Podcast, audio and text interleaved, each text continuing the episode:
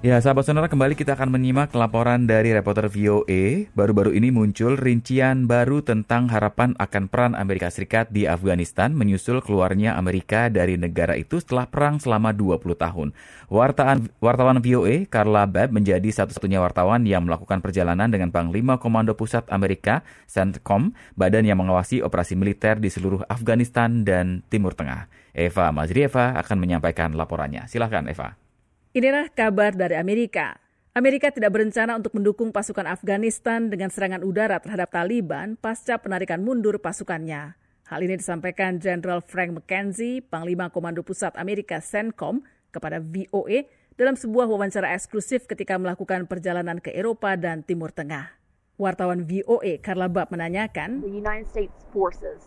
are going to be striking the Taliban if Apakah pasukan Amerika akan menyerang Taliban jika mereka menempatkan pasukan Afghanistan dalam bahaya? Dan ini akan berlanjut hingga saat ini?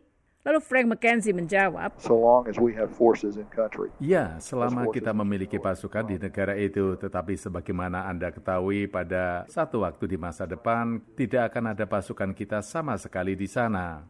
Setelah itu, serangan yang kita lakukan di Afghanistan adalah untuk menarget Al-Qaeda dan ISIS. Lebih jauh, McKenzie mengatakan serangan-serangan kontra teror di Afghanistan pada masa depan akan terbatas jika rencana musuh yang diketahui lebih dahulu itu menarget Amerika dan sekutu-sekutunya di dalam negeri, seperti ketika ribuan orang tewas pada 11 September 2001. That would be the reason for any strikes that we do in Afghanistan. Jika demikian, maka akan menjadi alasan untuk setiap serangan yang kami lakukan di Afghanistan setelah kami meninggalkan negara itu.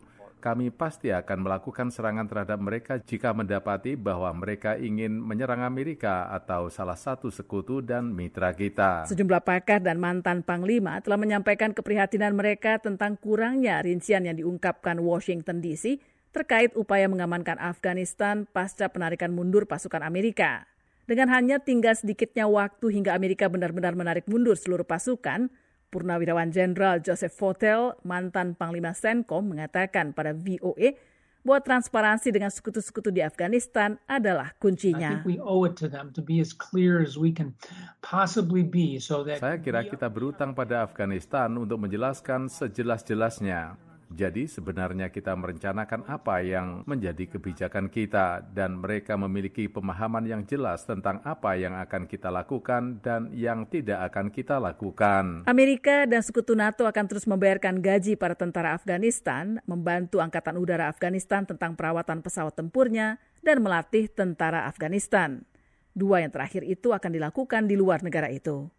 Tetapi bagi pakar-pakar militer yang khawatir akan ambruknya militer Afghanistan begitu tentara Amerika meninggalkan negara itu, upaya itu tidak cukup. Bradley Bowman di Foundation of Defense of Democracies mengatakan, just because we leave and we say it's over, uh, it's not over. You know, we talk about forever wars. Well, Hanya kita pergi dan mengatakan ini sudah berakhir, sebenarnya ini belum berakhir. Kita bicara soal perang abadi. Nah, Taliban dan Al-Qaeda itu tertarik untuk melakukan jihad abadi, jadi mereka akan terus bertempur. Pentagon telah secara terbuka mengatakan kemenangan Taliban bukan kesimpulan yang tidak akan terjadi.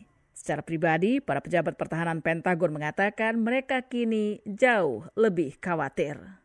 Saya Masrieva, VOA, Washington.